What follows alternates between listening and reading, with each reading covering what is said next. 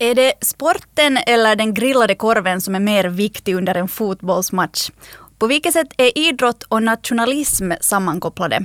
Och hur påverkas vi av bristen på sportevenemang nu under coronatiden? Det här är Vetskap, en podd om färsk forskning. Vetskap produceras av Svenska litteratursällskapet i Finland i samarbete med Huvudstadsbladet. Och jag som leder samtalet heter Hanna Nordensvan och är journalist.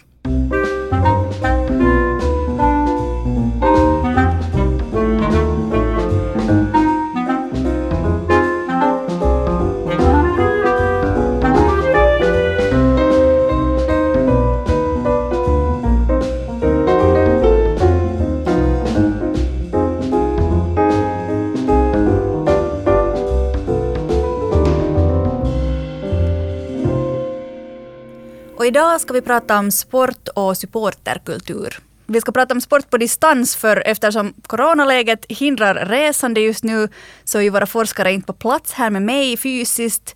Men Katarina Herd som är etnolog vid Lund och Åbo Akademi, du sitter i Malmö. Hej! Hej! Och Kai Alsved, forskare i musikvetenskap och som har disputerat vid Åbo Akademi och hör till den nygrundade forskningsföreningen Suoni Kai, du är i Jakobstad. Hej! Jajamensan. Vi ska alltså prata om sport, men samtidigt ska vi inte prata om sport för att båda två när jag pratade med er innan det här så pratade ni om att sport handlar egentligen inte så mycket om sport från era perspektiv. Men kan ni, kan ni båda berätta lite om det ni har forskat om kring idrott? Kanske Kasha, du kan börja. Ja, eh, jag började med en eh, mastersuppsats som handlade om Malmö FF som en magisk konstruktion. Hur man använder magi och att eh, göra en fotbollsklubb. Och sen tänkte jag det var spännande och jag ville inte släppa fältet så eh, min doktorsavhandling eh, fokuserade på hur fyra svenska fotbollsklubbar skriver historia, gör historia och använder historia. Och den eh, var jag klar med 2018. Sen fick jag i april förra året eh, fick jag en postdoc-tjänst eh, via Svenska litteratursällskapet.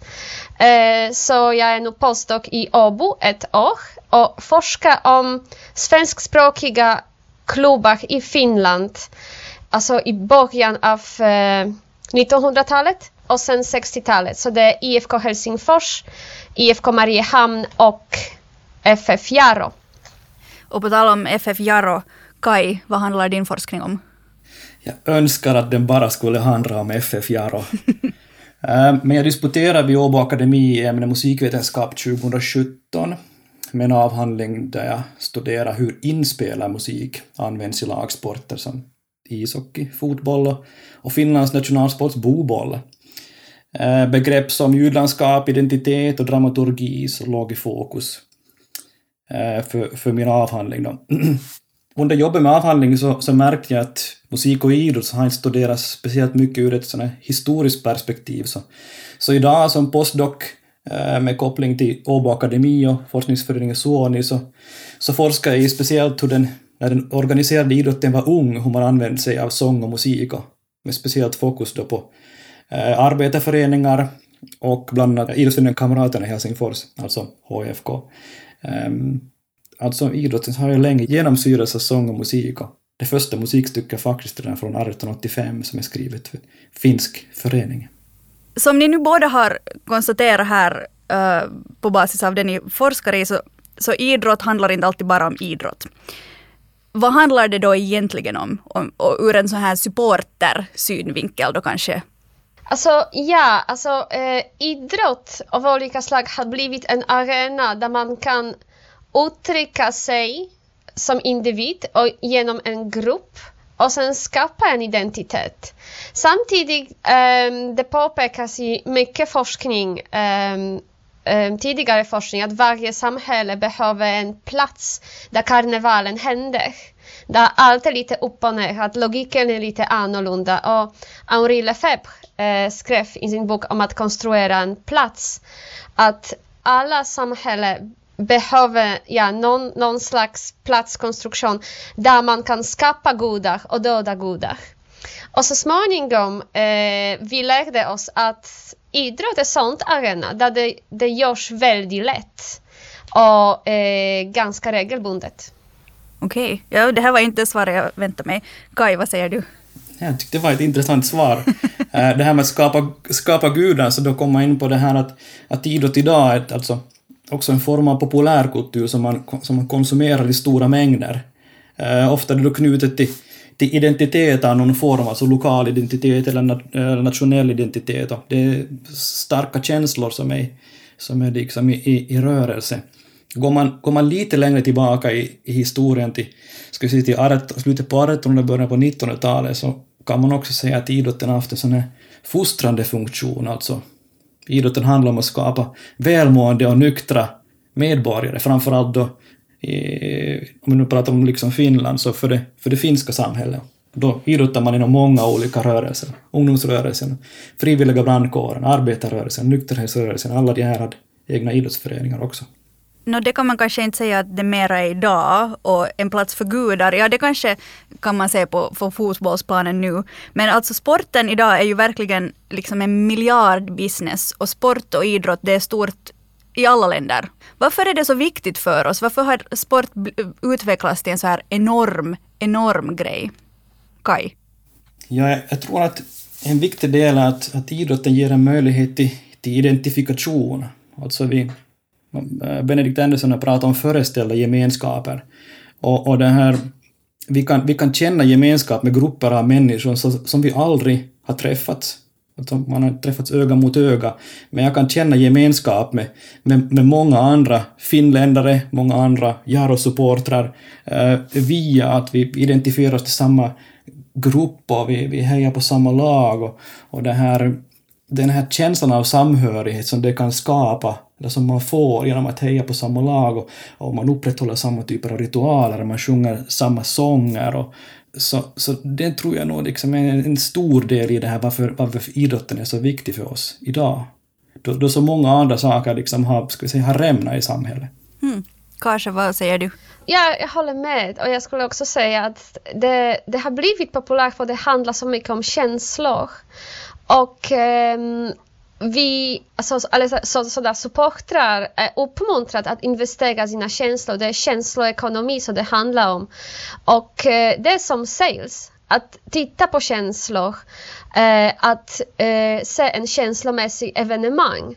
Och det ser man till exempel när man har VM eller EM. Det, det räcker inte att bara visa det mål. De måste zooma på publiken visa hur man kramar, gråter, skrattar tillsammans. Och, och det, det, det reagerar vi på, vi som människor, att se folk uttrycka känslor. Och genom det var medialiserat med TV, det hjälpte också att um, grunda den i en um, uh, större kontext. Så vi har lärt oss genom många, många år, alltså många klubbar, nästan alla klubbar som jag jobbar med, de, de är mer än 100 år gamla, alltså IFK Helsingfors är äldre än Finland. Så vi har lärt oss att, att ha den här platsen och vi ifrågasätter inte om det skulle fungera eller om det skulle existera eller inte. Det, typ, det har varit icke-fråga. Vi måste ha idrott. Eh, en kompis till mig sa att alltid när hon besöker en ny stad så brukar hon se till att gå på ett idrottsevenemang, eh, en fotbollsmatch till exempel i den staden, för att då får hon lättare att förstå människorna som bor där. Är det, håller ni med om det här? Är det liksom som ett eget språk man får som, som idrottsintresserade? För jag tänker mer att om man dyker upp i en ny stad och går och ser någonting och inte hejar på det laget själv, att det blir liksom mer som gränser. Hur ser ni? Mm. Men jag, jag känner också folk som gör så här. Uh, att ja, gå och se hur eh, åtminstone en arena ser ut om man inte kan, kan komma in. Eh, och ja, det här, eh, som Kaj sa, det är en del av populärkultur och det, vi vet hur man kommunicerar och hur man gör. Och om det är begränsat och man hejar inte på något lag på sätt och vis, men samtidigt man förstår folk som är på plats. Man förstår hur de agerar och varför. Man förstår hela systemet. Eh, så jag har varit på matcherna med folk som Alltså, alltså mina kompisar som hejade på någonting annat än jag och vi är på deras arenor. men de är, agerar, de är känslomässiga, de skriker och jag förstår hur det funkar. Så på något sätt jag kan vara med också. Ja, det är ju, en, det är ju liksom när man, när man går in på en, på, en, på en arena så får man också träda in i en, en helt annan roll, alltså ett beteende som är accepterat just där och då. Alltså skulle man gå runt och bete sig som en, som en supporter på gatan i Jakobstad varje dag så skulle folk kanske tro att man är galen, men men när man, när man träder in på en arena, alltså en stadion av något slag, och, och där pågår en match, så då, då, då uppmuntras man egentligen till sånt här beteende. Och det som Kasha var in på där, att, man, att det är också det som man som man säljer, alltså också ur ett ljudlandskapsperspektiv, så det, det, det som vi upplever via TV, så det är ju också en, en konstruktion, alltså summan av många mikrofoner, och så hör vi sådant idealt ljudlandskap som är fullt med känslor, och sen kan man zooma in spelarna, så mitt så hör man då de sjunger eller sjunger inte nationalsången. Det, det är någonting som, som man inte kan uppleva på plats egentligen, men eh, så, så, det är hemskt spännande och samtidigt så, om man tittar på Champions League-finalen så kan man sitta och, och, och liksom och Eh, ladda upp sina egna känsloutbrott på, på sociala medier, Twitter och Facebook och då kan man liksom på det sättet knyta samman till uh, andra människor. Jag tror att ni båda har nämnt ordet ritualer här när ni har pratat. Och hur, hur viktigt skulle ni säga att det här med, med ritualer i ett sportevenemang, till exempel då sånger, uh, kläder, färger, vad man äter.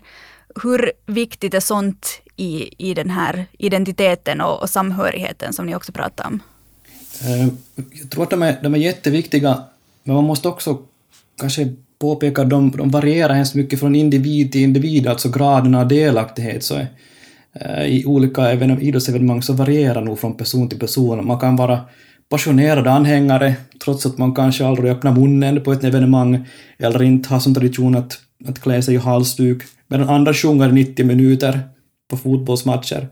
Eh, en del av de informanter som jag har intervjuat har sagt att för dem så är det viktigt att komma i tid till matchen, för då får man höra musiken som spelas i samband med entrén, men också strax innan. När, när, när allting annat kanske, allting annat ändras eller liksom förändras i anslutning till lag, alltså spelarna byter lag, tränarna, säsongerna kommer och går, men, men musiken består. Och det, här, det är liksom en del av de här, de här ritualerna vill man också uppleva när kanske många andra saker har förändrats.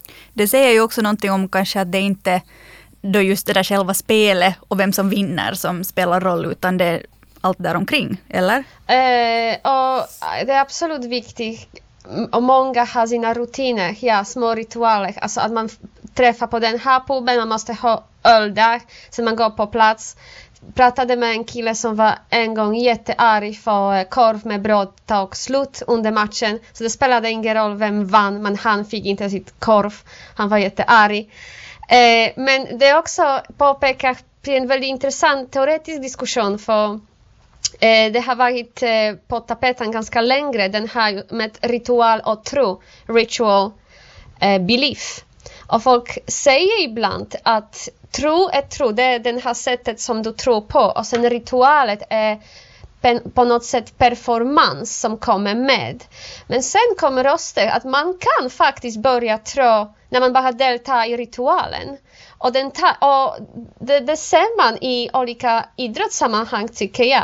Även om man inte är taggad från början, var där på plats, upp Eh, uppleva det några gånger, vara med, så småningom börja sjunga, skrika, skratta.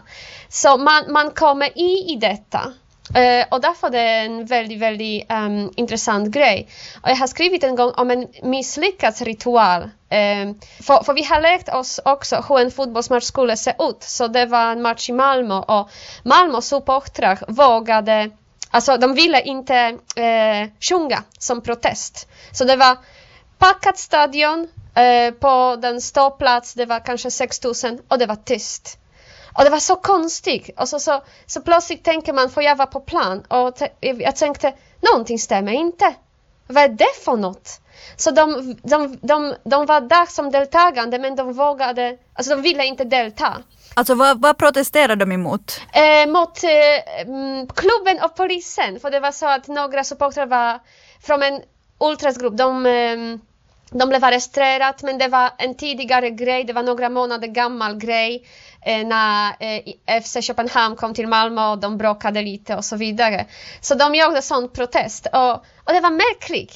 Eh, och och där, det skulle, alltså deras engagemang, sånger, trumman var redan av en ritual som var som skulle vara där på plats, som alla var förberedda att det skulle hända. Men när de var tysta, det var plötsligt, det, det kändes inte som en match. Eh, och ja, det, det, var intressant att se hur hela bilden på något sätt ramlade ihop. Det blev någonting annat än en vanlig match.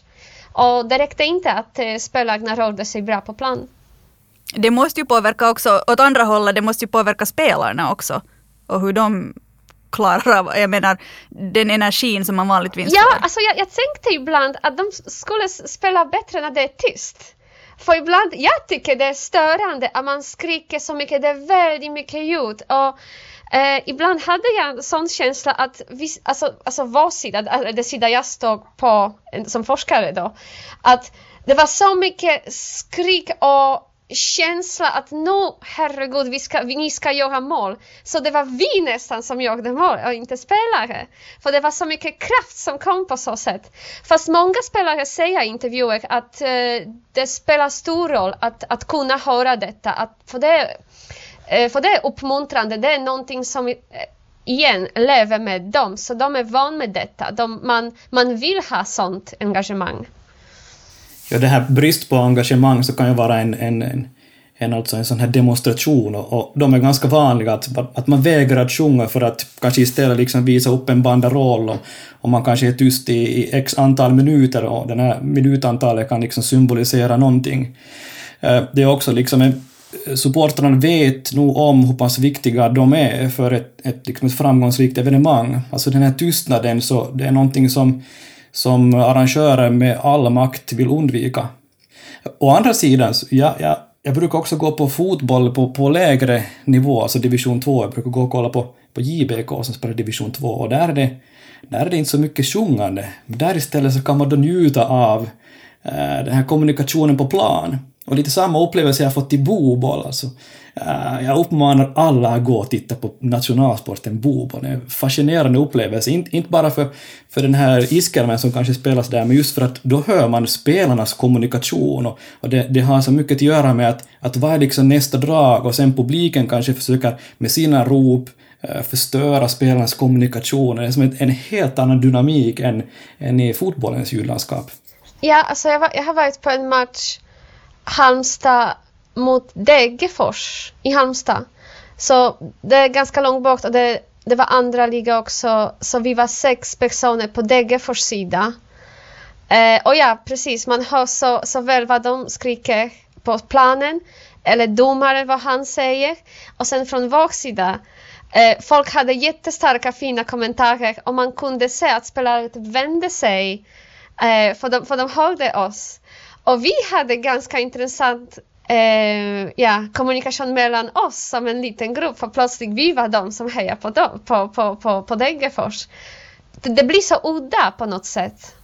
Men på tal om just ljudlandskap, musik och idrott är ju väldigt sammanvävda, eller har blivit det i alla fall. Man hör en låt på radion och så minns man direkt hur det kändes när Finland vann det och det, den landskampen eller vad det kan ha varit och den glider in. Det förstås då en låt som handlar om Finland och inte Sverige trots språket.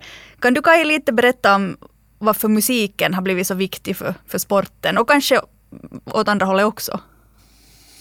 Du nämnde här den glider in, så, så onekligen så glider vi in då på, på ishockey. Um, VM-guld i Globen 1995, det betyder den låten för oss. Uh, det betyder den inte i Sverige, där den spelas fortfarande i samband med ishockey stackars svenskarna, de vet inte liksom hemligheterna, vi har stulit den här låten. Um, ja, men alltså, det finns ju alltså låtar som söker sig in på till exempel på radions spellistor också, alltså till exempel VM-låtar som produceras då innan stora turneringar och, och, och våra lejon då har en fascinerande flora av låtar som jag studerar. Um, och jag, jag brukar kalla det här för sådana här lekfulla nationalsånger, alltså vanliga nationalsånger spelas inte i radion, men VM-låtarna tar sig in dit och, och det här, det finns förstås kommersiella krafter bakom de här, men, men via de här låtarna så kan man på ett lekfullt sätt leva ut sin, sin, sin identitet utan att begränsas av de här högtidliga ceremonierna som omgärdar till exempel nationalsångerna. Och den glider in i ett fascinerande exempel. Det här är en lång historia förstås, men, uh, men man kan ta till exempel senaste hitten som Löjke mörke sisään som exempel. Eller Taivas vargele från 2011 som har att göra med Mikael Grannus Ilovevi. Uh, det här är toppen på ett isberg av en ny form av deltagarkultur eh, som snabbt kan produceras i hemmen av så att säga publiken. Och då är det alltså eh, någon som har tagit eh, vad till exempel alltså den som kommenterar, matchkommentatorns någon del av vad den har sagt och, och på Youtube gjort en video som har blivit en låt, om jag nu förklarar Exakt. det rätt. Man, man tar alltså en sampling, i det här fallet då Antti Taranta har blivit populär att sampla, och det här, det, det, liksom, det antyder också att det här eh, Lejon är en medierad upplevelse, det är någonting som vi i vanliga fall upplever via radio och TV. Också den glider in innehåller ju liksom, det bygger på en sampling. Men, men digitaliseringen har medfört att vi kan producera de här nya musikaliska symboler och vi kan ladda upp dem på, på sociala medier idag. Det, lite, lite, det finns liksom nog dimensioner här som, som kan kopplas till hejaklacksång också. Men, men det här är mer en sån här digital verksamhet. Och nu behöver vi inte någon dyrbara studior eller dyrbara studiotid för att producera det här, utan det här är lite som, som mem, men i musikalisk form. Kanske hade du, vill du tillägga någonting här ännu? Um, alltså jag tycker det är spännande att se den här kreativitet och produktivitet kring supportrar. Uh, och, och de vet att det är någonting speciellt. Alltså jag, jag tror det är ett exempel på folklore. Alltså det är folk som producerar sin lära, sin lore. Um, och uh, till exempel Djurgården, supportrar av Djurgården gjorde en uh, enkelt ramsa när de var på väg till Malmö, jag tror det var 2015.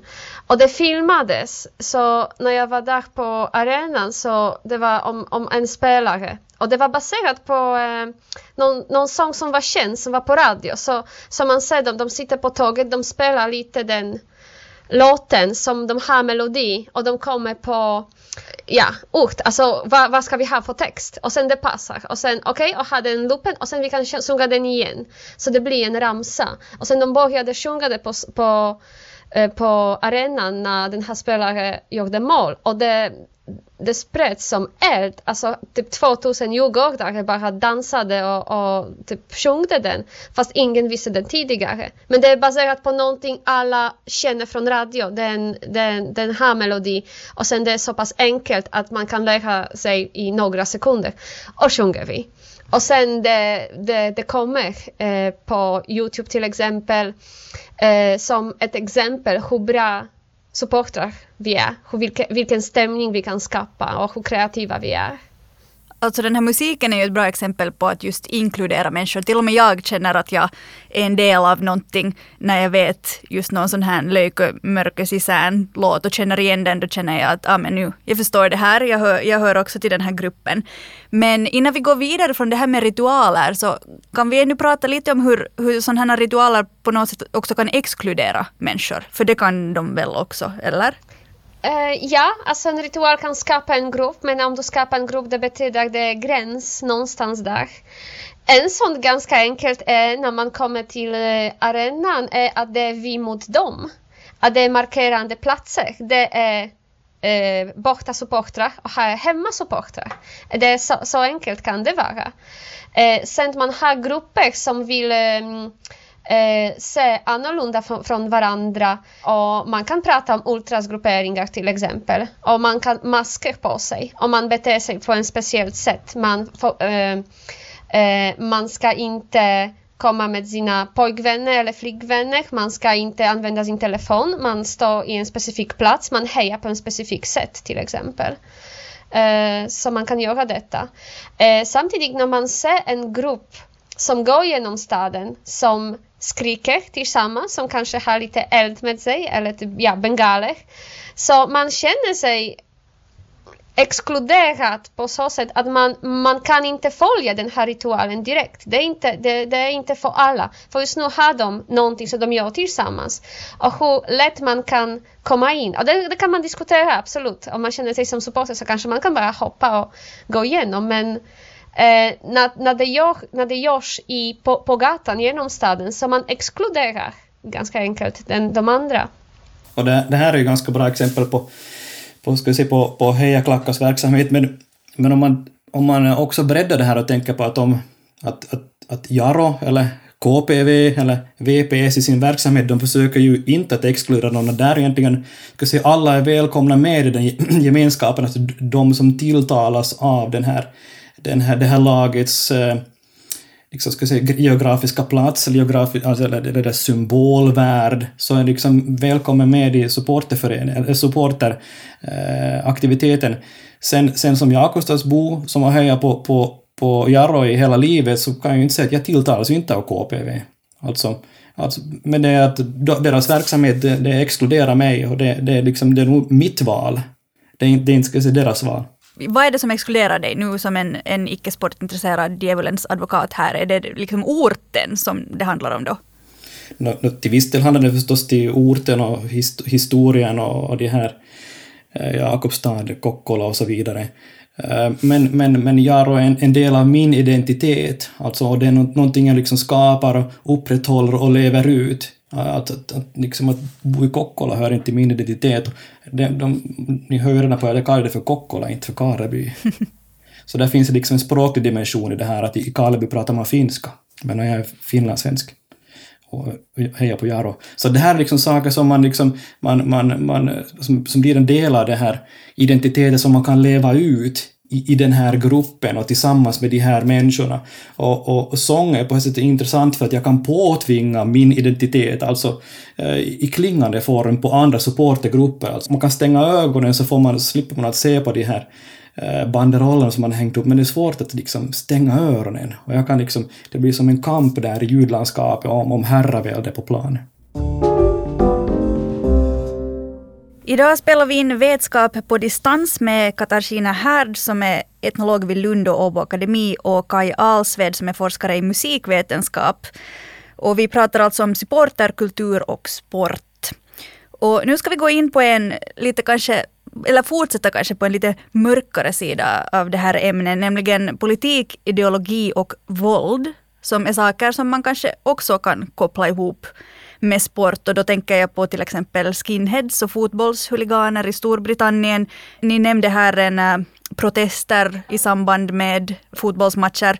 Vad är era tankar om, om de här ämnena i, i samband med sport? Alltså jag får frågor ibland varför är så mycket våld i fotboll? Och jag brukar svara det är inte mycket våld i fotboll. Det är bara att man kan uttrycka någonting som finns i samhället på den arenan som, som en eh, verksamhet i sig själv. Det, det är inte um, jag upplever det inte som mörkt eller våldsamt eller farligt på något sätt. Alltså tvärtom, det finns mycket skratt och ironi och humor eh, på, på läktaren. Eh, fast eh, alltså det måste kontextualiseras också på, på, på, um, alltså på många olika sätt. O, olika länder har olika historia och berättelser när det gäller uh, som, som vi kan kalla huliganer. Och uh, när det kom från, från Storbritannien så man glömmer ibland att uh, de kom i en väldigt specifik tid.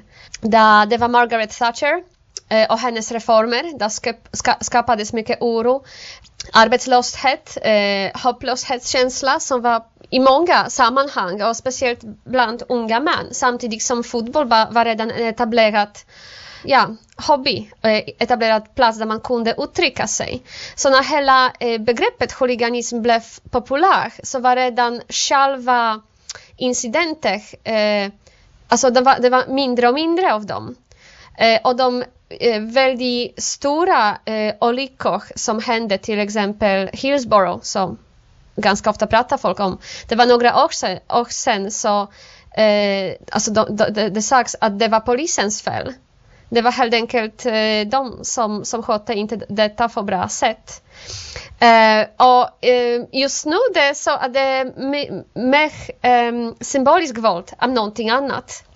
Eh, och eh, den här moderna ehm, hmm, protest eh, är mycket färgat av eh, eh ultras eh, stil man kan säga som kommer från södra Europa som har också en jättelång historia från 50-60-talet när unga italienare eh, protesterade väldigt mycket. Och igen vi pratar om eh, social upheavals så, eh, som man kan säga. Alltså en situation där det efter kriget hade ja, ingen hopp, eh, arbetslöshet, frustration, stor frustration.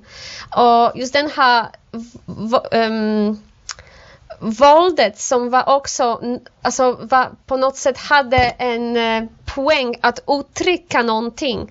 Och det som eh, är lite kontroversiellt ibland i vårt samhälle, att vi tycker att det kanske är civiliserat, att vi tycker att det, um, det, det misslyckas på något sätt när vi ser eh, kanske våldet eller någonting sånt. Fast det, det är någonting som, som kommer att finnas i samhället och måste behandlas på något sätt.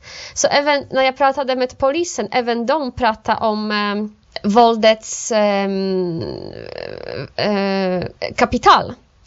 Alltså de förstår att uh, for, uh, alltså folk, och mest killar som som tillhör sådana grupper, de, det är någonting som de vinner. Det är inte Eh, alltså de är inte bara dumma i huvudet, det är någonting som, som har kapitalet där. Kanske eh, att man är en del av en grupp, kanske sin egen identitet, kanske man vinner någonting helt enkelt. Eh, och de, de också resonerade på ett intressant sätt att eh, ja, om man, om man kommer till stad så Alltså det, det kan vara farligt för, för folk som ville inte detta bli inblandat. Eh, men om man slåss i skogen, okej, okay, okej, okay, det händer. Och eh, jag hade intervju med två personer som identifierade sig som ex-huliganer, man kan säga. Och de diskuterade väldigt mycket att eh, varför vill samhället betala mycket pengar för att se en boxningsmatch eller thai-boxningsmatch? Och det är okej. Okay. Eh, om när det är med TV och det kostar mycket och på så sätt. Men om jag vill göra det med någon annan som vill det, så det är fel. Och det är inte att säga att, eller uppmuntra folk att göra det, eller inte säga att det är bra beteende, men eh, det är inte bara så ensidigt att vad är fel, vad är, eh, vad är bra. Så eh, det speglar på många olika sätt. Det, det, är en bra poäng det där med, med boxning. Du nämnde Kai tidigare där, Benedict Anderson som har varit en del av, av din forskning då i samband med, med nationalism och det här sambandet man känner med andra. Var kommer till exempel alltså nationalsången som nästan alltid sjungs på alla idrottsevenemang, var kommer det in i det här? ja, alltså nationalsången så det spelas ju oftast i, ska vi säga, i, i slutet, så det blir en sån här segersymbol. Ehm, också, man brukar kalla det också för en, vissa forskare kallar det för en offersymbol, alltså det, alltså det här hela, hela kriget och det man har slåtts för och våra värderingar, det som representerar oss. Så, så det här, det, nationalsången och flaggan blir en symbol liksom för våra uppoffringar. Och just det här med nationalismen och förstås som, det är ju mycket av det som eh, den nationella känslor, det är ju de som driver, ska vi säga, sport på, på nationell nivå. Och å andra sidan så, de här riktigt stora turneringarna så präglas ju också av en sån här karnevalism. Eh, jag var själv eh, med i Minsk 2014 på ishockey-VM som en del av en som forskningsprojekt som heter Kiekokansa. Vi satt där långt hemifrån i, i, i Minsk eh, med en sån här supportergrupp som bestod av ett antal eh, finländare och vi blev överkörda 100-0 av de här, den här ryska publiken som var där. Alltså Tsaibu, Tsaibu. Det var liksom, det gick inte att värja sig för det här och det var liksom, det kändes nästan fysiskt, vi kunde knappt höra våra egna röster. Och, och det gick liksom runt sån här... Äh, eh, Lettländerna hade liksom gått över på, på Rysslands sida och Vitryssland var redan på Rysslands sida. Det gick såna stora slagverksgrupper gick runt i ishallen och vi kände liksom att ah, det här, det här är inte bra. Sen när matchen var slut, gick ut från arenan så kommer det ryska publiken och säger next time och sen tog vi bilder och allt var bra. Vi, vi liksom åt en korv tillsammans och, och liksom vi hade roligt. Men man kan ju förstå att, det är alla som, det är inte i alla sammanhang som, som den här karnevaliststämningen råder och, och, när man har rört sig med supportrar och på många evenemang så, så nu känner man ju till de här koderna och hur man eventuellt ska kunna provocera fram, alltså våld, med mitt beteende. Om, jag, om man liksom, jag, jag vet exakt vilka knappar jag ska trycka på, var jag ska gå och, och, och vilka sånger jag ska på sjunga på ett visst ställe för att kanske provocera fram ett slagsmål om jag vill ha det. Mm. Ja, alla känner, alla känner väl till då dramaturgin lika bra, så då vet alla precis hur man kan påverka den också. Och supportrar kan ibland tacka varandra på, för en bra match om det blir känslomässigt och det blir typ nästan slagsmål eller polisen blir provocerad. Så jag har sett sen efter matcherna på eh, olika typ forum, chattrum att de säger typ hej tack, vi, vi skapade tillsammans, vi och ni, en, en bra match för det blev så. Och, och man kan också konstatera att eh, supportrar är uppmuntrade att betala med sina känslor, investera med sina känslor. Och, eh, om samhället säger oh ja, men uttrycka bara de bra känslor. Men om det känns för jävligt, om det, om det gör ont, om man vill, vill typ, jag vet, kanske inte typ att typ slåss, men göra någonting, uttrycka sin, typ, sina negativa känslor. Så hur kan man stoppa detta? Hur kan man inte göra det?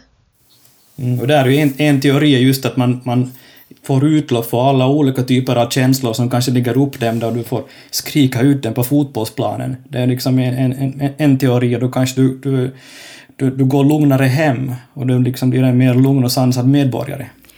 Jag måste fråga, jag vet inte om ni eh, har, ni får säga till om inte det här är någonting ni vet, men, men alltså fans eller supportrar av någon viss klubb, har de ofta också samma liksom politiska värderingar? Finns, finns det forskning om det här?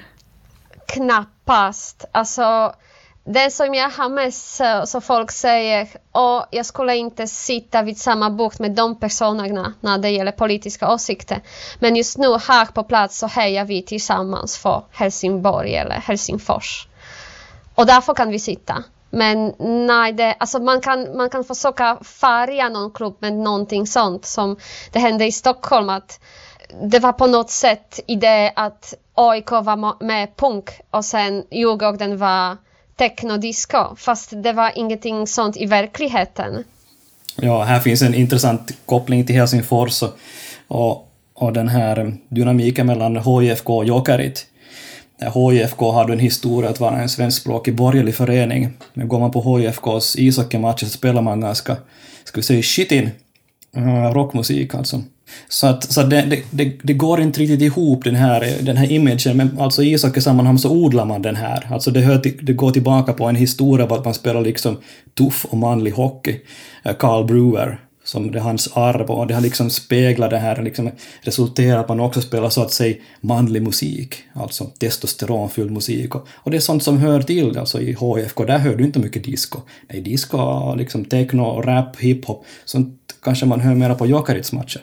Å andra sidan har Jokerit gärna liksom vill identifiera sig som någon form av eh, arbetarföreningar, liksom tilltalar som en viss arbetarklass. Men det stämmer ju inte överhuvudtaget. Det finns ju ingen realism i det här. Det är bara liksom konstruktioner. Det, det, detta med arbetarklass eller medelklass, det, det kommer ofta och det var från början um, en spänning i fotboll där eh, när de började spela eh, i Skandinavien.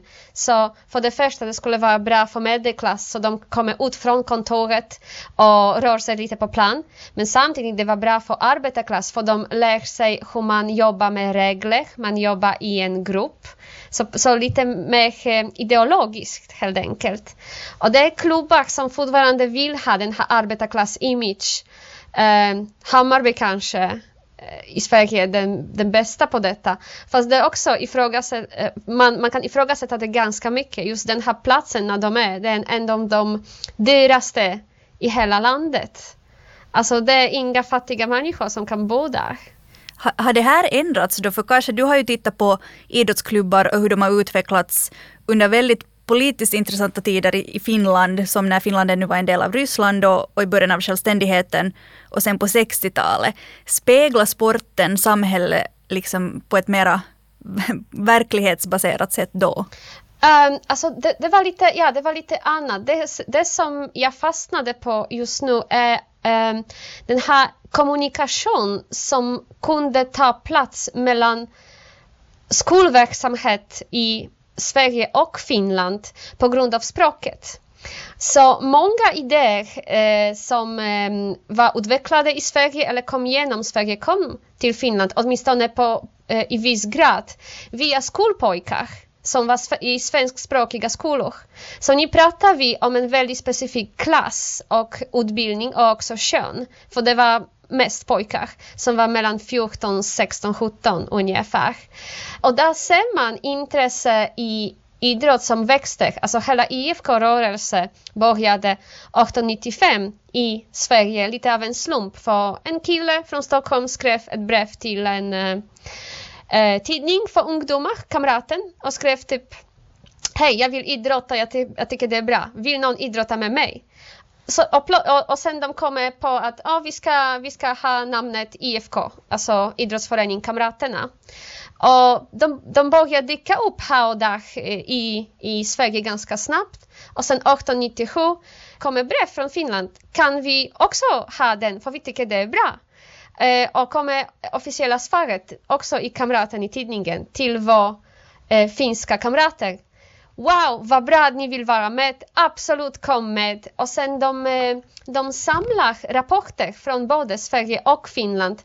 Vilka slags tävlingar de, de var, vem är bäst på skidor, vem är bäst eh, att springa.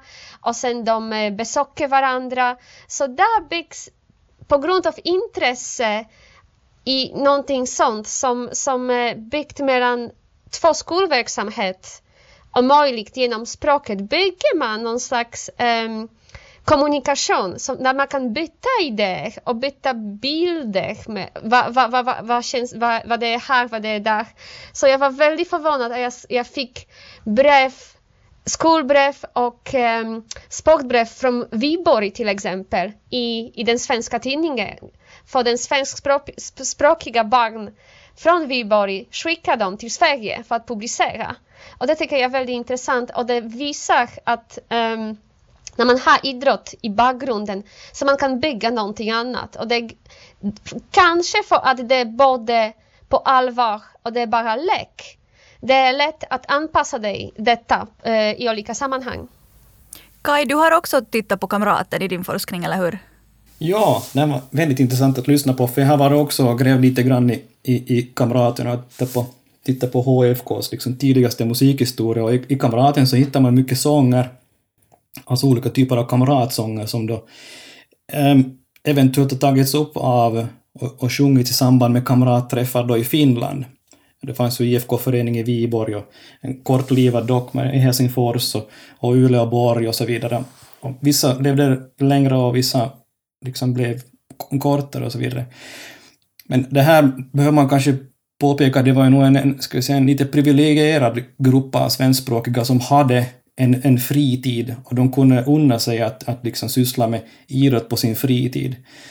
Um, går man till, ska säga, till andra samhällsklasser, till exempel till uh, arbetaridrottsföreningen Bonnistus som grundades Eh, 1887, nu kommer jag inte ihåg den sista siffran, var 67, men i alla fall. Men det är en, en, en liten annan typ av idrottsverksamhet som är knuten till, till klass på ett helt annat sätt och, och knuten till det finska språket. Och, och det här, å ena sidan så finns det den här kopplingen till, det här, till Sverige via IFK, å andra sidan så till exempel sångfeströrelsen i Finland som pådrevs av, av Kansanvalistus seura, så de stora sångfesterna som blev de manifestationer som fenomenerna utnyttjar för att liksom utbilda, liksom folkbilda och, och fostra finländare till, till, till finländare och bygga nationen och sen dök det upp finlandssvenska folkfester, musikfester då, som blev det här svensk-finländska Genesis.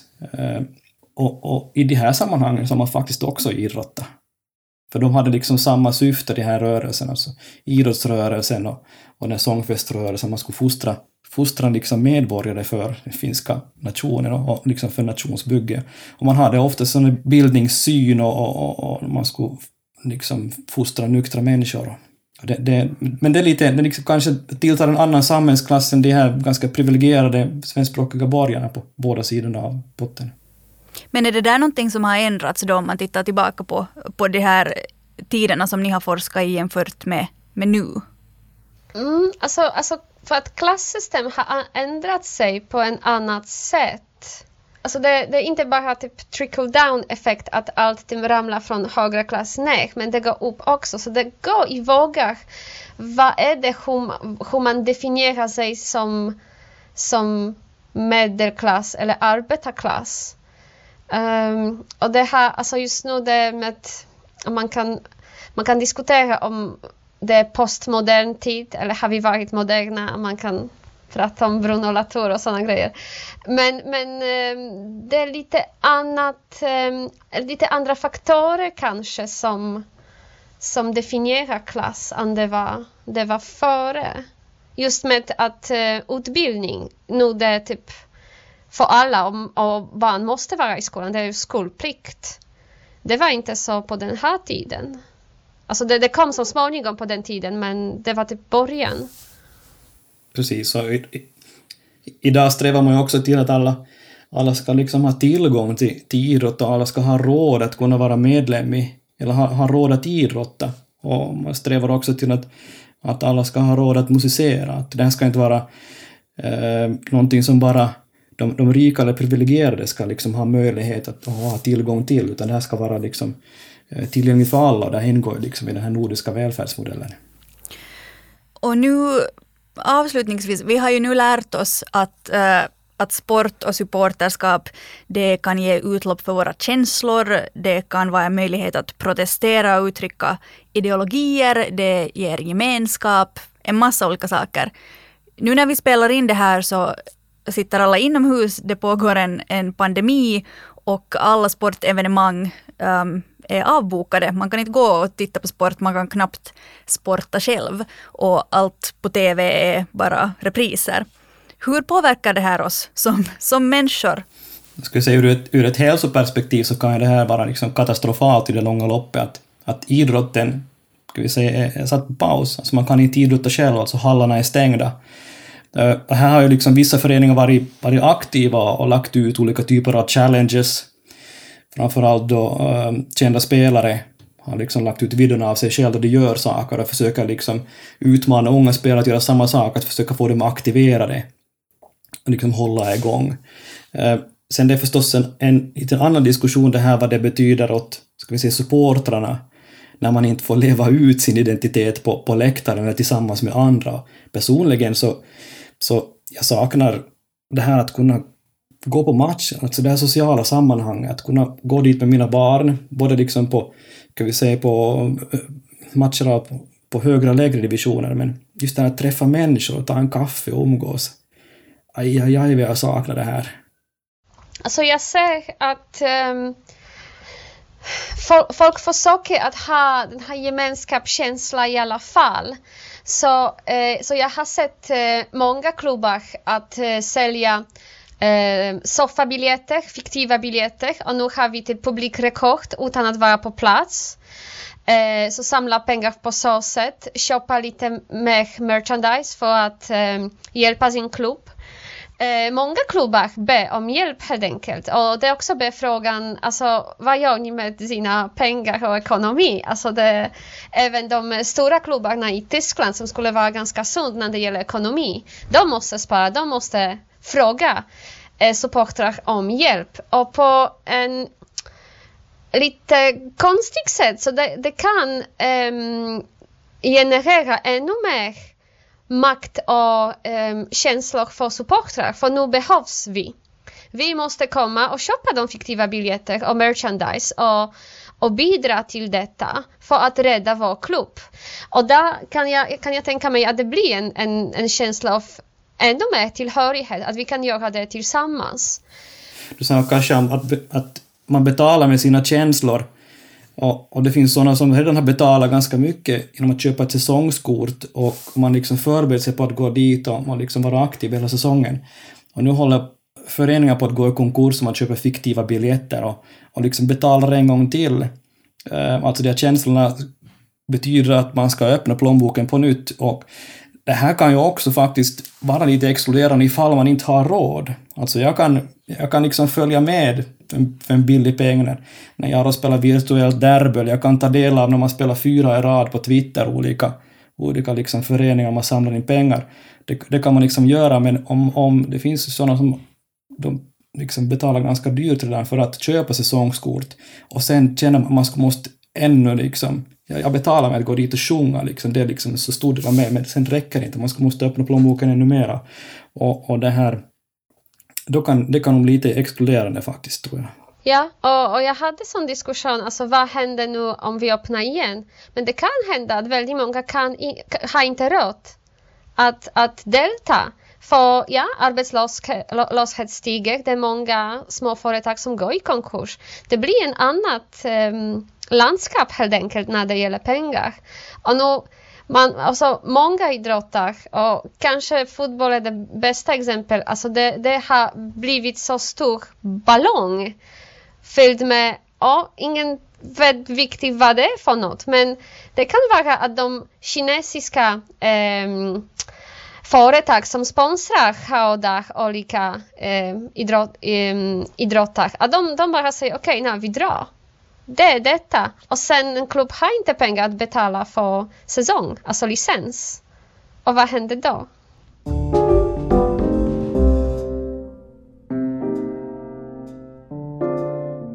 Du har lyssnat på ett avsnitt av podden Vetskap och gäster idag var Katarina Herd och Kai Alsved, forskare. Tack för att ni var med.